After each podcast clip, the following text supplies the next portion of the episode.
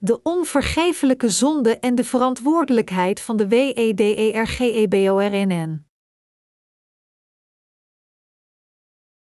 Matthäus 12, 31-32 Daarom zeg ik u: elke zonde en elke godslastering kan de mensen worden vergeven, maar wie de geest lastert kan niet worden vergeven. En iedereen die iets ten nadele van de mensenzoon zegt, zal worden vergeven. Maar wie kwaad spreekt van de Heilige Geest zal niet worden vergeven, noch in deze wereld, noch in de komende. Wat ik tot dusverre aan u in mijn schrijven heb willen uitleggen, heeft zijn beperkingen, maar alles wat ik geprobeerd heb in mijn boeken uit te leggen is het evangelie van het water en de geest. En ik ben zeker dat wie ook gelooft in deze evangelische waarheid zeker de vergeving van zonden zal ontvangen.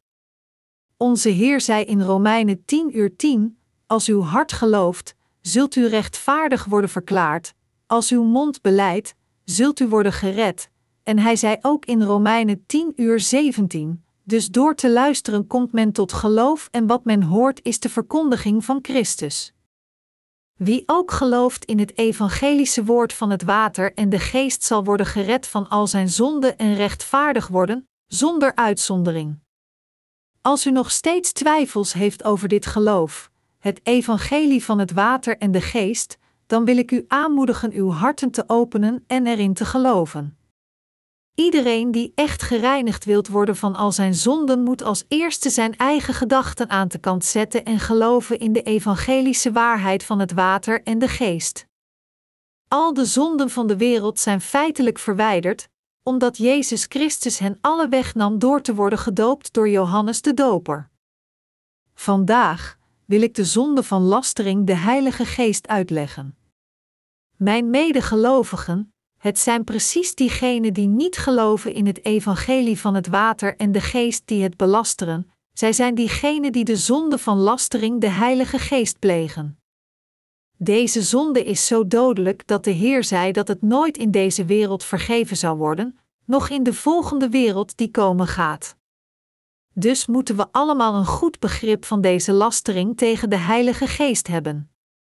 1 Johannes 3, 9 zegt: Wie uit God geboren is, zondigt niet, want Gods zaad is blijvend in hem. Hij kan zelfs niet zondigen, want hij is uit God geboren. Deze passage betekent dat diegenen die geloven in het evangelie van het water en de geest, het evangelie van kracht en van de vergeving van zonden, niet de lastering tegen de Heilige Geest plegen. In tegenstelling, echter, staat er geschreven in Hebreeën 6, 4, 8: Want wie ooit door het licht beschenen is, geproefd heeft van de hemelse gave en deel gekregen heeft aan de Heilige Geest, wie het weldadig woord van God en de kracht van de komende wereld ervaren heeft en vervolgens afvallig is geworden, kan onmogelijk een tweede maal worden bekeerd, omdat zo iemand voor zichzelf de zoon van God opnieuw kruisigt en aan bespotting blootstelt. Land dat de overvloedige regen opneemt en nuttige gewassen oplevert aan wie het bewerken, ontvangt Gods zegen, maar land dat dorens en distels voortbrengt, is waardeloos en rijp voor vervloeking, het zal uiteindelijk in vlammen opgaan. Er staat ook geschreven in Hebreeën 10, 26, 29. Wanneer we willens en wetens blijven zondigen nadat we de waarheid hebben leren kennen, is er geen enkel offer voor de zonde meer mogelijk, en kunnen we niet anders dan huiverend wachten op het oordeel en op het vuur dat de tegenstanders gretig zal verslinden. Voor wie de wet van Mozes naast zich neerlegt, is er geen pardon, wanneer er ten minste twee getuigen een verklaring tegen hem afleggen, moet hij sterven. Hoeveel zwaarder zal dan de straf niet zijn, denkt u, voor wie de Zoon van God vertrapt, het bloed van het verbond ontheiligt, terwijl hij erdoor geheiligd is, en de geest van de genade veracht? Al deze passages waarschuwen ons dat als iemand, zelfs als hij weet over het doopsel dat Jezus Christus ontving van Johannes en zijn bloedvergieten aan het kruis, dit evangelie negeert en weigert, hij zichzelf vrijwillig verandert in iemand die tegen de Heilige Geest lastert. Als de Bijbel spreekt over de lastering tegen de Heilige Geest, is het de zonde van negeren en weigeren te geloven dat Jezus Christus iedereen heeft gered door zijn doopsel en bloedvergieten. Daarom, iedereen die deze lastering pleegt, kan niet langer worden bevrijd van zijn zonden op welke manier dan ook. Zulke mensen geloven niet dat het opleggen van handen op de hoofden van de offerdieren en hun bloed vergieten in het Oude Testament hetzelfde waren als het doopsel dat Jezus Christus ontving van Johannes de Doper en zijn bloed vergieten aan het kruis. Dat is waarom zij niet de vergeving van zonde kunnen ontvangen. Er staat geschreven in 1 Johannes 5 uur 16: Als iemand zijn broeder of zuster een zonde ziet begaan die niet tot de dood leidt, moet hij voor hem of voor haar bidden en zo de zondaar het leven geven. Dit geldt wanneer er sprake is van een zonde die niet tot de dood leidt. Er bestaat ook zonde die wel tot de dood leidt. In dat geval geldt mijn aansporing om te bidden niet. De zonde die leidt naar de dood is niets anders dan de zonde van ongeloof die iemand pleegt door niet te geloven in het doopsel dat Jezus Christus ontving van Johannes de Doper en zijn bloed vergieten aan het kruis als zijn eigen vergeving van zonden. Met andere woorden, deze zonde van het niet geloven in het evangelie van het water en de geest is wat de lastering tegen de Heilige Geest inhoudt. Zelfs nu, is Satan ontelbare mensen aan het misleiden niet te geloven in het doopsel en bloedvergieten van Jezus Christus, maar u moet uw geloof in deze waarheid niet opgeven. De duivel bedriegt mensen met allerlei soorten trucs zodat zij niet geloven in het doopsel van Jezus Christus. Dit is waarom de Bijbel zegt in 2 Petrus 3, 17, 18: Geliefde broeders en zusters, u weet van tevoren wat er gaat komen. Wees daarom op uw hoede en laat u niet meeslepen op de dwaalwegen van wettelozen. Laat uw standvastigheid niet varen, maar groei in de genade en in de kennis van onze Heer en Redder Jezus Christus. Hem komt de eer toe, nu en in eeuwigheid. Amen.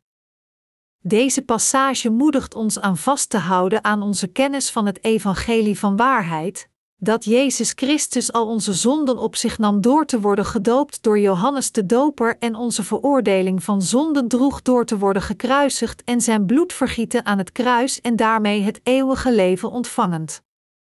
Daarom moeten we voorzichtig zijn voor alle andere geloven die de evangelische waarheid van het water en de geest als de waarheid van zaligmaking negeren. Wat moeten we dan doen? Wanneer we eenmaal de vergeving van onze zonden hebben ontvangen, om Satans misleiding te overwinnen en ons ware geloof te houden? Er staat geschreven in 2 Korintiërs 6, 14, 16: Loop niet in één en hetzelfde span met ongelovigen. Wat is de verwantschap tussen gerechtigheid en wetteloosheid? Wat heeft licht met duisternis te maken? Waarin lijken Christus en Beliar op elkaar? Wat hebben een gelovige en een ongelovige gemeen? Wat heeft de tempel van God met afgoden te maken? Wij zelf zijn de tempel van de levende God, zoals God heeft gezegd: Ik zal bij hen wonen en in hun midden verkeren, ik zal hun God zijn en zij mijn volk.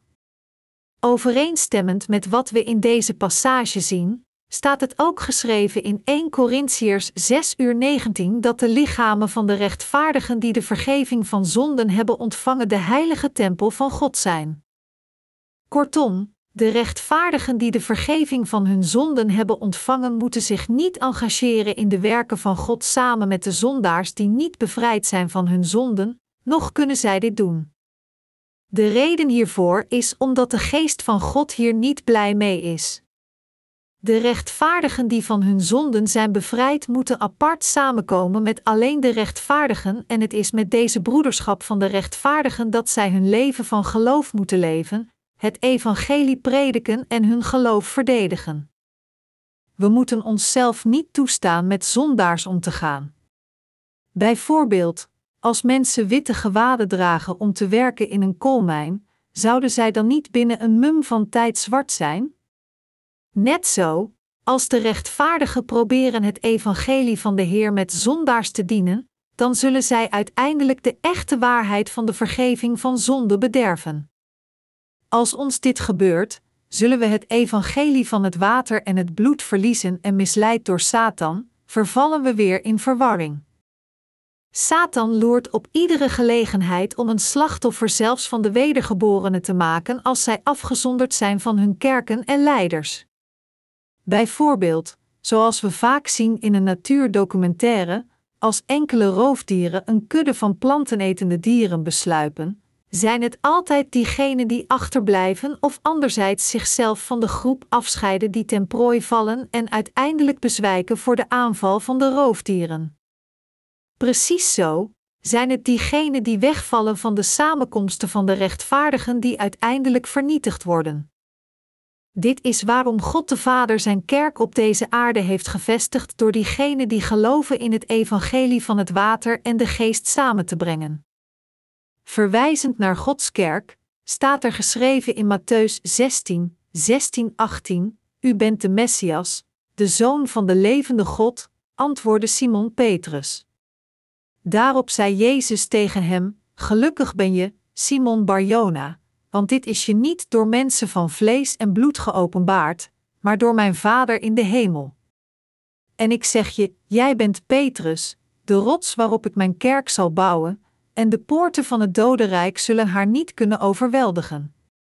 We moeten aandacht schenken aan het feit dat het is door dit geloof in Jezus Christus als de ware Verlosser dat Gods kerk is gevestigd, zoals Jezus zelf zei tegen Petrus.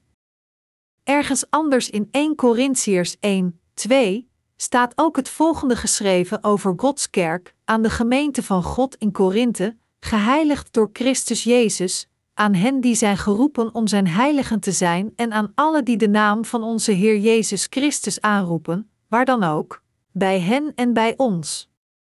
De apostel Paulus beschreef Gods kerk als de samenkomst van de heiligen die de vergeving van zonden hebben ontvangen. Anders gezegd, God zei hier dat zijn kerk een samenkomst van diegenen is die van al hun zonden zijn bevrijd door hun geloof in het evangelie van het water en de geest. En God zei ook in Jeremia 3, 14, 15: Kom terug, ontrouwe kinderen, spreekt de Heer, want jullie behoren mij toe. Ik zal één van jullie uit elke stad nemen en twee van jullie uit elke familie en jullie naar Sion brengen. Ik zal jullie herders naar mijn hart geven en die zullen jullie met wijsheid en inzicht wijden. Net als God ons hier belooft, heeft Hij de wedergeboren dienaren wiens harten in overeenstemming zijn met zijn als de leiders van de kerk doen herrijzen en heeft Hij hen op vele manieren laten werken, zodat zij de wedergeboren kinderen van God zouden voeden.